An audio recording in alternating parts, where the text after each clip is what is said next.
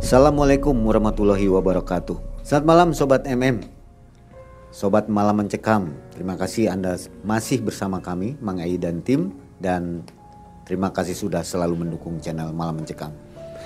Dan di hari ini kami menghadirkan kembali akhir dari perjalanan Pak Adi. Pak Adi yang telah melakukan pesugihan di berbagai tempat dan telah menghasilkan 7 episode sampai dengan hari ini. Episode berupa pesugihan di mana Pak Adi selalu gagal dalam menjalankan ritual-ritual tersebut karena Pak Adi ragu dengan tumbalnya yang diminta adalah selalu anak. Pak Adi tidak menginginkannya. Bagaimana kisahnya dan bagaimana kehidupannya sampai dengan hari ini? Coba Anda dengarkan sampai akhir video, baru komentar di bawah. Oke? Baik, kita ke Pak Adi. Assalamualaikum Pak Adi. Waalaikumsalam Mang Ei. Terima kasih sampai dengan hari ini Pak Adi masih mau mengisahkan kisah nyatanya. Makasih Pak Adi. Pak Adi ini kisah yang terakhir Pak Adi mau ke mana? Pesugihan Ibu Ratu Pantai Selatan Di daerah mana nih? daerah kota Sukabumi Daerah Kota Sukabumi. Iya. Pelabuhan Ratu ya. Pelabuhan Ratu Ini katanya Pak Adi di episode sebelum ini sudah mulai tobat.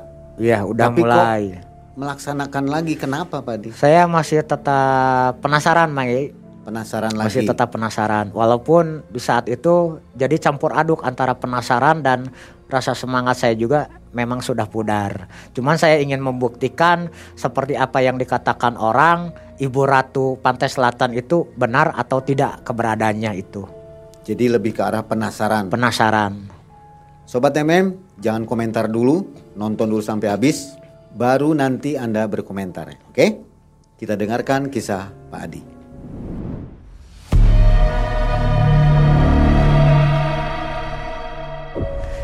Ya Mang Ei setelah kepulangan dari ritual Gua Nagaraja ya saya sempat di situ kembali normal bekerja dan diselingi waktu karena masih penasaran dan saya tetap mendapatkan informasi dari orang-orang para peziarah. Saya cobain lagi nih saya datengin ke daerah kota Ciamis ya. Masalah tuyul. Karena informasi dari peziarah tersebut mengatakan kalau kita tidak ingin tumbal nyawa udah aja Kang. Daripada pusing Akang beli aja tuyul. Saya datengin itu ke kota Ciamis berdasarkan alamat dari peziarah tersebut setelah saya datang ke kota Ciamis saya cari alamat tersebut kebetulan ketemu sama juru kuncinya Pak eh, ini Bapak juru kunci ya saya di sini ada apa ini Pak saya kebetulan saya dari Bandung, saya ada minat beli tuyul, Pak, ada informasi begini-begini, gimana Pak? Oh ya di sini ada tuyul. Kamu mau beli satu atau satu paket?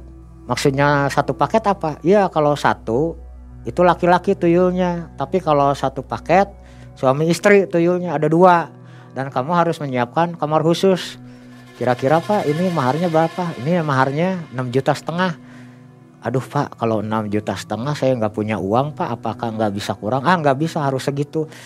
Kamu ada uang saya antarkan ritualnya untuk membeli satu atau satu paket terserah. Kalau satu paket berapa pak? Kalau satu paket 15 juta. Nah karena juru kunci tersebut mengatakan maharnya sangat berat akhirnya saya balik kanan mang iya balik kanan hari-hari selanjutnya saya coba lagi datengin itu yang namanya ritual babi ngepet ya saya datengin sama saya mentok di posisi juru kunci memberikan mahar 5 juta itu kalau untuk pesugihan babi ngepet. Saya karena mahar tersebut sangat besar bagi saya dan saya tidak punya uang, akhirnya ya pulang kembali. Ada beberapa teman di tempat pekerjaan ngobrol-ngobrol. Kang, saya teh gini, kenapa ada mimpi saya, tapi saya ini bingung antara benar atau tidak mimpi apa? Ini saya kedatangan Ibu Ratu Pantai Selatan beliau membawa kuda kencana. Beliau menunjukkan supaya saya jarah ke situ. Jarah ke mana ya ke Pelabuhan Ratu Kota Sukabumi ya udah aja lah saya ikut nah akhirnya saya dengan teman-teman kerja proyek itu sebanyak enam orang kita sepakat ya mengai untuk merencanakan keberangkatan ziarah ke pantai selatan. Kalau teman saya ziarah, kalau saya di dalam hati tetap akan melakukan pesugihan Ibu Ratu Pantai Selatan. Di saat waktunya setelah kita mengumpulkan cukup uang untuk transportasi dan pembiayaan selama di Pelabuhan Ratu Sukabumi, kita berenam berangkat. Sebelumnya kita membeli dulu karena yang datang mimpi ke teman saya itu Ibu Ratu minta dibawain bunga sedap malam. Kita bawa bunga sedap malam dan bunga melati untuk bahan ritual nanti di Pelabuhan Ratu. Sesampainya di kota Sukabumi, kita menuju ke Pelabuhan Ratu. Kebetulan di situ kan ada makam keramat petilasan beliau ya kata juru kunci di sana yaitu Ibu Ratu Pantai Selatan dan Ibu Nyai Mayangsari Nagasari. Nah kita diarahkan sama juru kunci untuk ziarah di situ. Kalau yang lima teman saya kan kita berangkat nih Mang E enam orang ya. Kalau lima orang teman saya itu niatnya ziarah di makam, kalau saya berbeda. Jadi saya tetap ingin melakukan pesugihan yang instan, ingin ketemu Ibu Ratu supaya ada bantuan saya bisa memperoleh apa yang saya inginkan, apa yang saya cita-citakan. Saya membisik sama juru kunci ketika teman-teman saya pada beli ke warung, Pak, maaf ini eh, sebelumnya ini kan kalau yang lima orang dia itu niatnya untuk ziarah Pak. Kalau saya bukan ziarah pak. Saya ingin melakukan pesugihan pak dengan Ibu Ratu Pantai Selatan. Bisa enggak pak untuk menjadikan perantara berbeda dengan keinginan teman saya. Juru kunci tersebut mengatakan kalau untuk pesugihan di sini tidak menyediakan. Kamu tinggal nanti jarah-jarah aja ikut. Nanti kan di situ di bawah di Karanghawu nanti kita kamu semua itu kita bawa jarah dulu. Kamu ikut aja, jarah kata juru kunci. Nah ketika setelah jarah menjelang malam kan di bawah Karanghawu itu ada gua Mayang Sari Nagasari. Kamu di situ aja di gua kecil. Coba kamu mengadakan ritual sendiri. Kalau betul kamu tetap ingin melakukan pesugihan. Kalau teman kamu tentu berbeda dengan keinginan kamu. Nah setelah juru kunci bilang tersebut kita malamnya itu dibawa jarah dulu kita berenam setelah ziarah di situ ke makam Ibu Ratu ya ada dua makam Ibu Ratu Pantai Selatan dan ibunya Imayang Sari Nagasari. Di satu ruangan kamar banyak pernak-pernik ya foto-foto Ibu Ratu. Kita melakukan tawasul di situ. Setelah tawasul juru kunci menawasulkan kamu berenam sudah saya tawasulkan. Nanti tengah malam mandi di sumur tujuh. Kebetulan di bawah makam keramat petilasan Ibu Ratu dan ibunya Mayang Sari Nagasari itu ada pantai ya pesisir pantai eh, ada batu-batu karang ada sumur. Jadi sumur itu dari batu tapi tujuh semuanya. Nah kita disarankan sama juru kunci dan dipandu kita semuanya mandi di situ di sumur tujuh. Setelah melakukan ritual mandi yang lima orang teman saya juru kunci nyuruh ke atas untuk melakukan dikir. Kebetulan kalau saya dibawa sama juru kunci langsung ke gua Mayang Sari. Nih saya tunjukin itu guanya, tapi kamu jangan malam ini. Karena malam ini air laut lagi pasang. Kalau pasang gua tersebut bisa terendam. Nanti kamu lakukan ritual aja pada siang harinya. Kalau siang hari kan air laut lagi surut, kalau malam ini bahaya, lagi pasang, tertutup itu gua sama uh, air laut bisa membahayakan nyawa kamu. Begitu saran juru kunci. Lima, teman saya berangkat ke makam, saya tetap posisi di area Karanghawu. Jadi Karanghawu itu di sininya jadi ada makam petilasan Ibu Ratu, jalan ke bawah ada Karanghawu alias Karang Kursi kan ada karang berbentuk kursi. Nah di bawah karang kursi di arah kirinya ada sumur tujuh di situ. Saya berdiam di karang kursi sendiri. Kalau teman saya berjarah di atasnya. Ketika saya diam di situ di karang korsi sambil diberikan oleh juru kunci semacam lapad untuk pemanggilan Ibu Ratu Pantai Selatan. Saya lakukan di situ. Saya lakukan tapi malam pertama tidak apa tidak ada apa-apa, cuman deburan ombak karena kebetulan posisi karang korsi itu ya di bawahnya itu pas banget laut jadi menghadap laut ketika melakukan tawasul penghadiran Ibu Ratu. Menjelang tengah malam tidak ada kehadiran. Sampai saya tertidur tidak ada kehadiran Ibu Ratu. Esok harinya saya berbicara kepada juru kunci, Pak ini saya lakukan malam ritual apa yang Bapak sarankan kehadiran Ibu Ratu tidak ada Pak. Solusinya untuk saya gimana? Sekarang gini aja kamu kan berenam. Kalau kamu ingin ketemu ada komunikasi kontak batin dengan Ibu Ratu, saya sarankan kata juru kunci itu, jarah ke hotel 308. Pak, kira-kira untuk ritual di sana maharnya berapa? 750 ribu. Nah, juru kunci tersebut mengatakan mahar. Akhirnya kita ngobrol nih sama teman-teman patungan agar kita bisa tirakat ritual di kamar 308 tapi kita diberikan waktu untuk tawasul cuma satu jam. Tidak bisa lebih tidak bisa kurang satu jam itu. Setelah kita sepakat patungan saya dan keenam teman saya ya kita berenam patungan akhirnya kita berikan itu uang tersebut ke juru kunci kita dipandu sama juru kunci. Setelah nyampe kamar 308 juru kunci mengetuk pintu tiga kali sambil berkata assalamualaikum setelah tiga kali menyuruh kita masuk, dibukakan, kita masuk. Dibimbing oleh juru kunci kita tawasul selama satu jam di situ. Juru kunci melakukan tawasul kurang lebih mungkin ada sekitar 20 menit. Beliau langsung turun. Saya beserta kelima teman saya melakukan tawasul di situ. Kalau teman saya yang lima dia tawasul, tapi kalau saya membacakan mantra berbeda ya jadi bukan kalimat Allah yang saya baca tapi pemanggilan gitu yang juru kunci berikan. Setelah kita satu jam di situ kita beres tidak ada apa-apa itu di hotel. Cuman kalau yang namanya merinding ada. Tapi tidak ada yang namanya sosok-sosok penampakan. Kalau energi ada gitu ya. Kayak seperti kilatan-kilatan cahaya di hotel tersebut saya menyaksikan ada.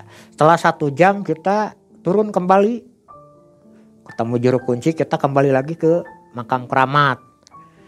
Saya berkata sama teman tuh kita sudah ziarah di sini terus ke hotel berarti kita masih punya posisi waktu dua hari lagi. Gimana kita sepakat nggak nih untuk menamatkan ritual ini selama tiga hari tiga malam? Teman saya berkata kalau saya tetap akan sesuai rencana tiga hari tiga malam Nah kita begitu mengisi hari-hari untuk menunggu malam ketiga ya kita posisi keberadaan di makam.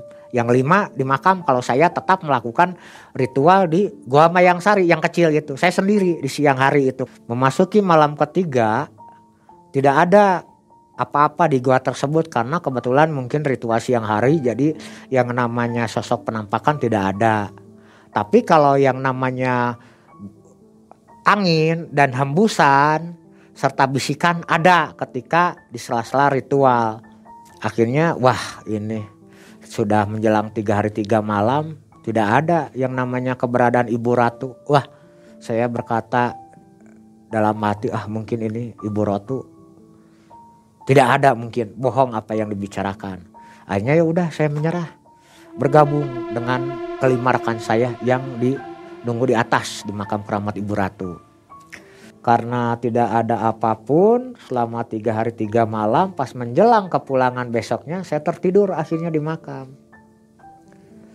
Ketika tidur jadi dalam arti mimpi atau tidak dalam keadaan antara sadar dan tidak saya mendengar ada suara perempuan memberikan salam assalamualaikum saya larak lirik kanan kanan kiri tidak ada siapa-siapa karena itu yang kelima teman saya laki-laki semua. Yang anehnya cuman saya aja yang mendengar. Ya udah kita nggak mempermasalahkan lagi kita semuanya akhirnya tertidur. Dalam tidur itu saya bermimpi tiba-tiba saya lagi di pinggir laut ya di pinggir laut pantai selatan di tengah-tengah itu datang kuda kencana datang kuda kencana dengan di dalamnya itu ada kusir dan sesosok perempuan yang sangat cantik jelita dengan memakai kemben berbaju hijau dan memakai mahkota serta keris di sebelah kirinya. Datang ke depan saya, beliau berkata, "Kamu mau ketemu saya? Ini saya." Saya jawab, "Kalau ibu ini siapa?" "Ya, ini. Saya yang kamu cari, saya yang kamu tuju. Saya Ibu Ratu Pantai Selatan." Dalam komunikasi tersebut dengan beliau, ada apa kamu datang ke sini? Saya curhat di situ, Bu. Saya dalam keadaan beban ekonomi, kesusahan dan punya utang piutang, saya tidak mengharapkan kekayaan. Saya cuma ingin bisa membayar utang, bisa memberikan modal untuk istri saya dan membantu orang tua saya, Bu. Cuman segitu saya, tolong minta dibantu sama Ibu Ratu. Cuman yang anehnya dari Ibu Ratu cuman memberikan pesan kepada saya, kamu jangan melakukan pesugihan. Ke mana pun kamu tidak akan berhasil dan kamu salah datang kepada saya meminta pesugihan. Saya tidak ada pesugihan. Kalau kamu ingin memberikan hadiah kepada saya, kirimi saya surat Al-Fatihah dan kamu sering ziarah ke sini. Insya Allah nanti suatu waktu sudah saatnya kehidupan kamu akan terbuka. Kamu untuk petunjuk apa yang kamu cari selama ini, sepulang dari sini kamu datang ke Sancang, daerah Garut. Beliau mengatakan pesan tersebut. Setelah beliau cuman beberapa menit ada komunikasi dengan beliau, langsung beliau pergi lagi. Setelah beliau pergi, datang lagi muncul. Kuda kencana sama sama dengan ibu ratu dengan posisi mahkotanya sama pakaian hijau. Cuman selendangnya yang berbeda. Yang satu putri ini memakai selendang warna kuning. Saya tanya kalau ibu ini siapa? Saya ibu nyai Mayang Sari Nagasari. Ayo ya kamu ikut. Tanpa sepatah kata pun saya ikuti beliau nah di situ beliau menunjukkan nah di sini tuh kamu lihat saya seperti posisi di karang kursi. Di bawah karang kursi itu saya melihat banyak bertebaran emas. Yang emas mulai emas batangan pokoknya bentuk emas apa pun ada di situ. Banyak banget itu saya melihat bertebaran emas dan uang-uang rupiah di situ Cuman yang anehnya beliau cuman menunjukkan ketika saya bertanya, Bu, apa ibu mau memberikan saya bantuan dengan emas tersebut atau uang? Oh, bukan. Ini bukan untuk kamu. Ini untuk orang-orang yang sudah nekat bulat hatinya mau memberikan tumbal akan diberikan ini. Karena kamu tidak ada bagian, kamu tidak di sini. Saya bukan ibu ratu, saya ibunya Mayang Sari Nagasari. Beliau begitu katakan. Jadi tidak membantu beliau cuman menunjukkan sudah aja gitu. Udah itu ya sekarang kamu pulang. Ikuti seperti apa yang dipesankan ibu ratu. Saya akhirnya dibawa pulang sama beliau. Dibawa itu dari posisi karang kursi ke atas lagi ke makam keramat itu yang dua. Terbangun saya di situ. Begitu bangun menjelang jam tiga pagi. Saya di situ bangunin teman-teman. Kang, udahlah kita pulang. Kenapa? Saya udah disuruh pulang nih sama gaib. Kita pada pulang. Nah yang anehnya mungkin syariatnya saya juga walau alam gak tahu ya. Sepulang dari Pelabuhan Ratu kelima teman saya itu syariat barokahnya mungkin karena tujuan mereka murni putih untuk ziarah ngalap berkah ada bantuan. Jadi alhamdulillah kalau kelima teman saya itu maju. Jadi majunya itu tiba-tiba ada saudara dan temannya memberikan pinjaman modal usaha. Yang anehnya kalau lima kalau lima teman saya usahanya maju sampai sekarang. Cuman saya aja yang tidak ada kemajuan. Sepulangnya dari Pelabuhan Ratu juga tidak ada keajaiban-keajaiban seperti orang memberikan pinjaman modal atau saudara atau teman nggak ada. Yang anehnya justru datangnya ke lima teman saya sampai sekarang kelima teman saya sudah perjalanan ekonominya sudah mulai membaik. Mereka membuka uh, usaha di bidang kuliner. Kalau saya tetap tidak. Nah Mang ya karena kelima teman saya sudah ada kemajuan sepulangnya dari Pelabuhan Ratu sedangkan saya tidak ada saya ingat pesan beliau Ibu Ratu Pantai Selatan yang saya temui di dalam mimpi. Akhirnya saya menuju ke Sancang, kota Garut, ya Pamumpuk itu. Di Pamumpuk ketika saya ketemu juru kunci saya jelaskan, "Pak, saya datang ke sini, saya dari Bandung, saya ada petunjuk disuruh ziarah ke sini ke makom Eyang Prabu Kian Santang beliau menjelaskan petunjuk dari siapa? Saya jelaskan ini pak kebetulan saya lagi ke Ibu Ratu Pantai Selatan. Saya disuruh ke sini di sini katanya ada makam Prabu Kian Santang. Benar nggak nih pak? Ya betul. Di sini ada makam petilasan ini sebetulnya. Petilasan Prabu Kian Santang bersama Syekh Haji Pandita Rukmin. Jadi satu makam itu dua nama. Nanti kalau kamu mau jarah saya antar Nah pada malam harinya saya beserta juru kunci yarah ke makam beliau. Kamu untuk permasalahan solusi masalah utang-utangmu dan kamu ingin punya modal untuk usaha, lakukan di sini kamu puasa tiga hari tiga malam tapi sebelum melakukan puasa tiga hari tiga malam, kamu harus mandi dulu cikahuripan. Jadi ada cikahuripan berbentuk kayak sendang lah kalau di Jawa namanya. Di sini makam, di belakang makam agak jalannya ya agak lumayan, tidak terlalu jauh juga. Ada seperti sendang. Nah di situ cikahuripan saya disuruh mandi oleh juru kunci. Beres mandi, selesai mandi saya kembali lagi. Juru kunci mengingatkan, ingat saran kamu puasa tiga hari tiga malam pakai amalan ini. Akhirnya saya diberikan sama juru kunci sebuah amalan untuk mendapatkan petunjuk. Malam ke satu ketika saya puasa tidak ada apa-apa karena kebetulan di makam beliau jadi satu rumah satu rumah tapi ada satu makam tapi satu makam dua nama. Nah yang anehnya di situ ketika saya masuk dengan juru kunci kan kita membawa sesaji ya kayak apel, panta merah, rokok, kopi, kopi manis, kopi pahit, susu. Selama posisi tiga hari tiga malam di situ, karena kebetulan di situ di ruangan walaupun makam tidak gelap ya karena ada cempor lilin, jadi terang, nggak ada apa-apa, nggak ada penampakan yang namanya sosok gaib, atau kehadiran energi-energi itu nggak ada. Cuman sesekali terdengar suara auman harimau di luar. Sesekali itu. Cuman tidak ada yang namanya sosok penampakan. Setelah tamat posisi puasa tiga hari tiga malam entah kenapa malamnya itu tiba-tiba saya terasa mata itu sangat ngantuk berat sekali. Akhirnya saya tertidur Nah setelah saya tertidur tiba-tiba ada satu sosok memakai jubah putih. Beliau itu gagah kelihatan dari aura wajahnya itu putih dan berwibawa. Beliau langsung mengajak saya, kamu ke sini.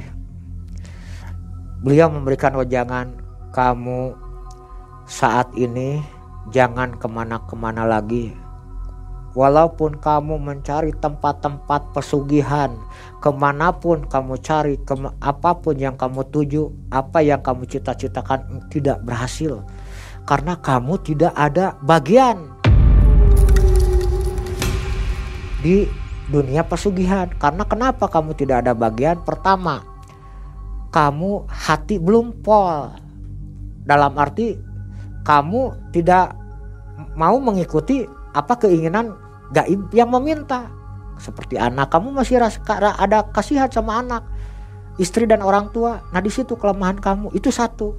Yang kedua leluhur kamu karuhun. Ya kalau bahasa Sunda itu karuhun. Tidak meridoi. Tidak mengizinkan kamu berjalan di jalan kesesatan. Kamu harus di jalan lurus.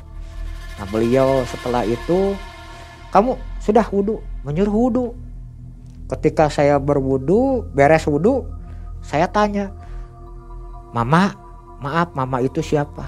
Saya Prabu Kian Santang alias Sunan Rohmat tempat saya ada di sini dan di Godog Suci Garut.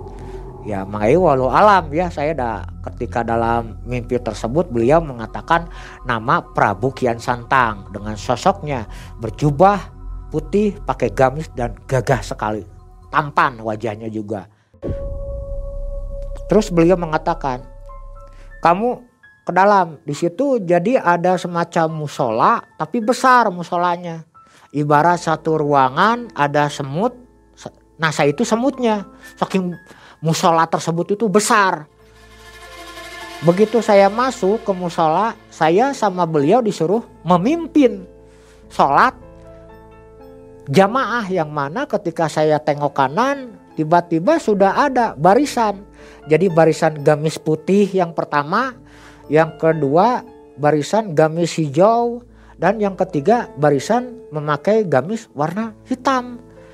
Karena di situ saya merasa minder, saya berkata sama mama tersebut, Mama, masa Sarah saya harus memimpin sholat sedangkan saya orangnya banyak dosa dan melihat jemaahnya juga, aduh pada gamis semua mama, saya malu. Kamu tidak usah malu, pimpin aja sholat. Harus sholat kamu. Akhirnya saya memimpin sholat. Setelah beres sholat, saya dibawa oleh beliau. Nih kamu lihat. Itu lihat apa?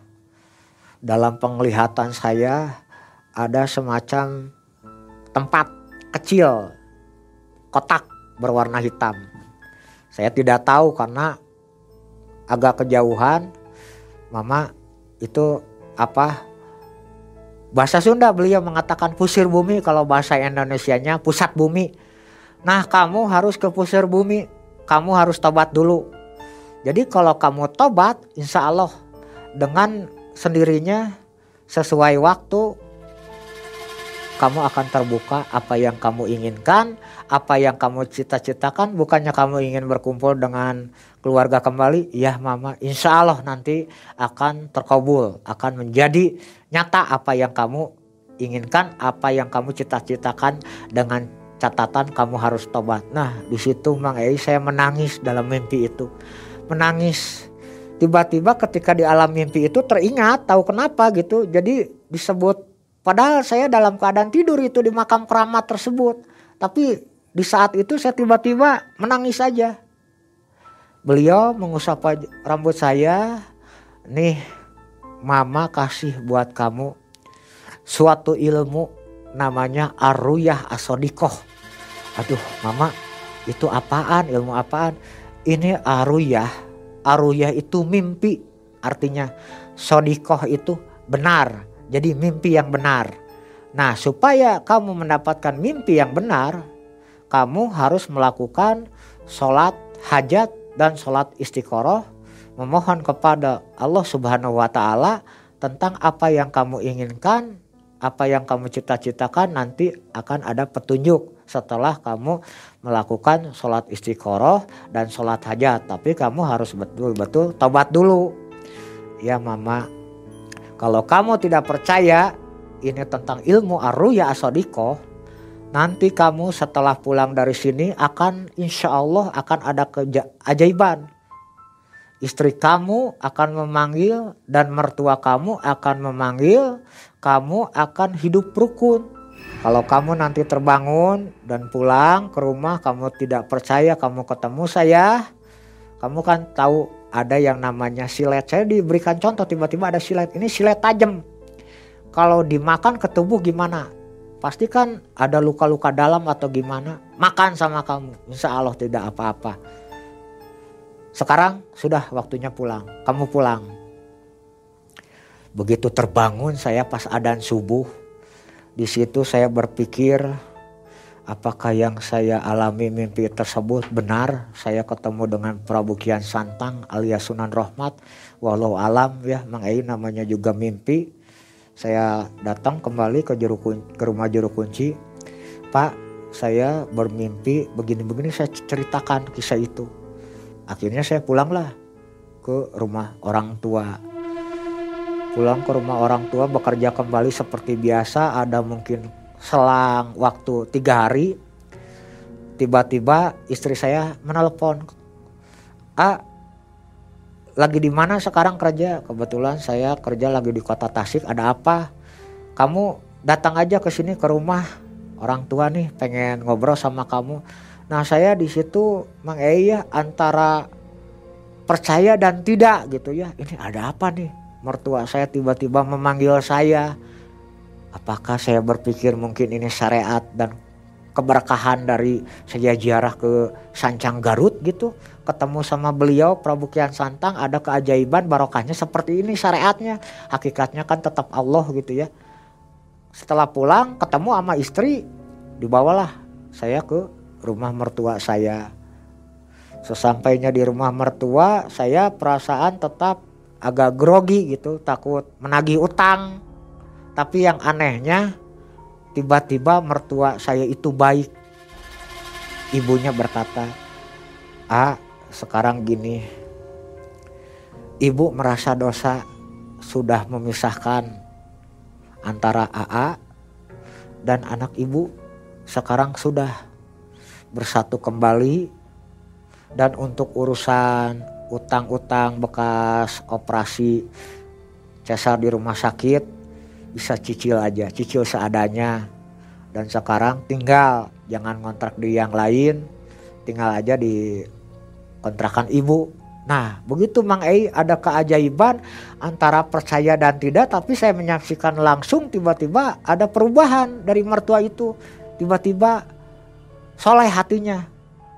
Memberikan kesempatan untuk saya bersatu kembali dengan istri dan anak dan catatan untuk masalah utang juga bisa disisil. Saya di situ sujud syukur Mang Ei. Saya menangis di situ sujud syukur. Karena apa? Alhamdulillah yang selama ini saya ke sana kemari ingin bersatu dengan istri dan anak Alhamdulillah akhirnya tercapai setelah kepulangan ziarah saya dari Sancang Kota Garut gitu Mang Ei. Jadi ada barokahnya. Cuman mertua saya memberikan pesan sama saya. Ibu berikan kesempatan kamu untuk bersatu dengan istri dan anak kamu dengan catatan kamu harus rajin ibadah.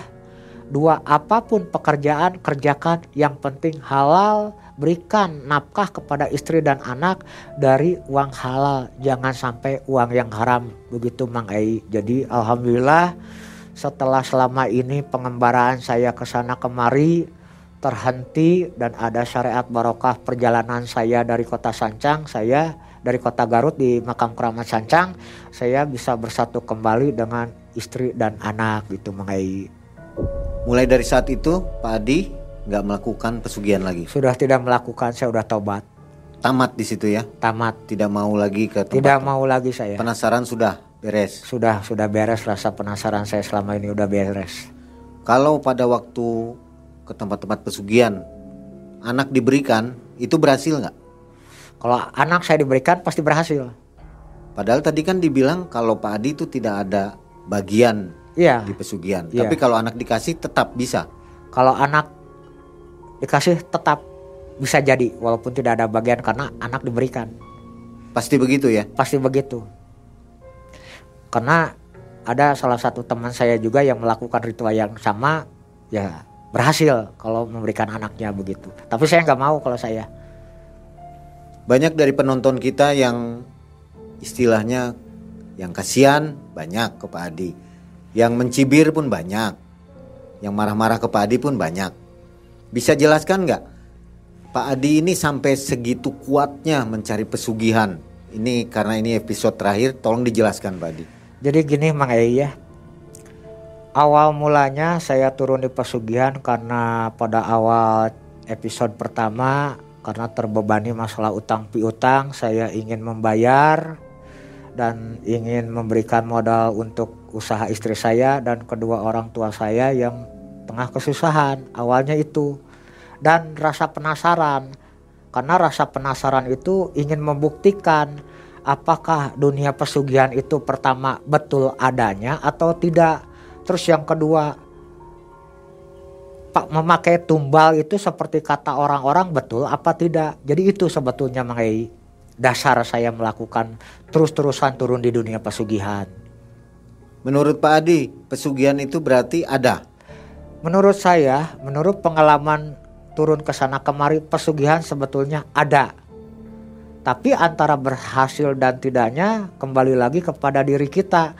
Kalau kita istilahnya mah raja tega ya, mau memberikan apa yang gaib minta itu bisa jadi. Tapi kalau kita masih ada rasa sayang sama anak, istri atau orang tua itu nggak bakalan jadi. Karena yang namanya gaib, Mang Iya berdasarkan pengalaman saya, jadi kalau kita siapkan A, dia meminta B atau meminta C. Ya itulah bangsa-bangsa begitu yang namanya menyesatkan manusia itu itu benar-benar. Dan saya cuman menghimbau kepada rekan-rekan para pemirsa setia MM itu kisah masa lalu saya pertama jangan ditiru karena tidak baik yang kedua, jadi yang namanya dunia pesugihan itu benar adanya, tidak bohong itu. Kalau tidak ada yang percaya, saya antar ke tempatnya dengan catatan jangan lari. Kalau ingin membuktikan, kalau seandainya ada yang tidak percaya. Terus yang ketiga ternyata tidak semudah yang dikira. Perlu perjuangan, pengorbanan, waktu, uang, dan juga mental. Kita harus kuat. Ternyata dunia pesugihan itu tidak semudah yang dikira Terus yang paling pokok akhir, jadi yang namanya bangsa begitu kan sengaja menyesatkan manusia untuk tergelincir mengikuti mengikuti mereka kemauan mereka menjauhkan kita e, dari pedoman-pedoman kehidupan agama seharusnya ya kisah saya itu jangan diikutilah ini cuma sebuah kisah untuk pembelajaran dan menambah wawasan buat para para pemirsa setia MM gitu mengai. Pak Adi tidak menyarankan tidak untuk menyarankan. diikuti jejaknya. Iya. Jadi Pak Adi cukuplah Pak Adi yang sudah membuktikan bahwa pesugihan itu ada dan tidak mudah. Iya betul mengai. Uh, eh, bagaimana kehidupan Pak Adi sekarang? Kehidupan saya sekarang ya alhamdulillah Mang Ei ya walaupun tidak bisa membayar utang secara cepat dicicil ke mertua saya, saya membayarnya dengan hasil kerja keras saya. Jadi apa pun pekerjaan, ada yang nawarin proyek atau nyuruh apa pun saya kerjakan. Nah itu dengan itu saya membayar akhirnya saya membayar utang ke mertua ya dengan hasil keringat saya sendiri, bukan dari hasil pesugihan. Terpenting sudah berkumpul kembali dengan keluarga. Alhamdulillah sudah berkumpul kembali Mang Ei. Putra berapa sekarang? Sekarang posisi anak Alhamdulillah sudah tiga saya. Tiga ya, sehat semua Pak Di? Alhamdulillah sudah sehat, ya. sehat semua. Nah ini beberapa komen mereka banyak yang mendoakan Pak Adi. Amin. Terima kasih atas doa semuanya. Mudah-mudahan Pak Adi segera kembali ke jalan Allah Amin. katanya. Amin ya rabbal alamin. Syukur ya alhamdulillah sudah Alhamdulillah Mang Ei. Sudah terjadi Pak Adi sekarang iya. kembali ke jalan Allah dan hidup sudah normal. Udah tobat saya, udah tobat saya kapok dan saya nggak mau lagi turun-turun dunia pesugihan. Ya. Kita ambil salah satu dari komentar subscriber dari Nur Hidayati. Cerita pengalaman Bapak ini bagus untuk mengingatkan kita seberat apa pun cobaan, jangan kita tunduk dengan setan. Uang daripada buat ritual lebih baik dikumpulkan dengan doa. Usaha berlindung dengan Allah, insya Allah selamat dari godaan setan. Itu doa untuk Pak Adi ya. Amin, terima kasih atas doanya. Sobat MM yang ingin ngobrol panjang dengan Pak Adi tentang kisah perjalanannya ini boleh bergabung di WhatsApp Malam Mencekam Family dan linknya nanti disertakan di bawah. Tapi bukan untuk berbicara masalah pesugihan, Pak. Iya. Ya. Jangan sesekali ditiru langkah saya, ya. cukup saya aja yang lebih salah ke, dulu. Lebih ke arah berkonsultasi bagaimana mengatasi kesulitan. Iya, betul. Tapi bukan dengan kes, dengan ada ya, ya ada ada masih ada solusi ketika kita terhimpit suatu beban atau kesulitan yaitu uh, Aruya Asodiko seperti waktu saya ketemu sama beliau Prabu Kian Santang saya diberikan solusi di situ. Ya. Nah, nanti silakan bergabung ngobrol-ngobrol dengan Pak Adi ya, sekedar bersilaturahmi dan menjadi keluarga besar Malam Mencekam Family. Pak Adi, ini terima kasih sekali sudah berbagi kisah yang sangat dahsyat menurut saya. Kisah yang benar-benar jarang orang mau membagikan. Istilahnya kalau orang menyebut itu aib ya. Iya. Tapi Pak Adi dengan beraninya menceritakan kepada malam mencekam Iya. dan sobat-sobat semua. Pak Adi, mudah-mudahan Pak Adi selalu dalam keadaan sehat walafiat terus nih ya dan mendapatkan pekerjaan yang bagus untuk membiayai keluarga. Akhir kata, Mang Ei mengucapkan banyak terima kasih dan berakhirlah episode perjalanan pesugihan dari Pak Adi selama 10 tahun. Ada beberapa pesugihan yang didatanginya. Iya. Saya Mang Ei, Pak Adi, dan juga tim undur diri. Wabillahi topik wal hidayah. Wassalamualaikum warahmatullahi wabarakatuh. Waalaikumsalam warahmatullahi wabarakatuh.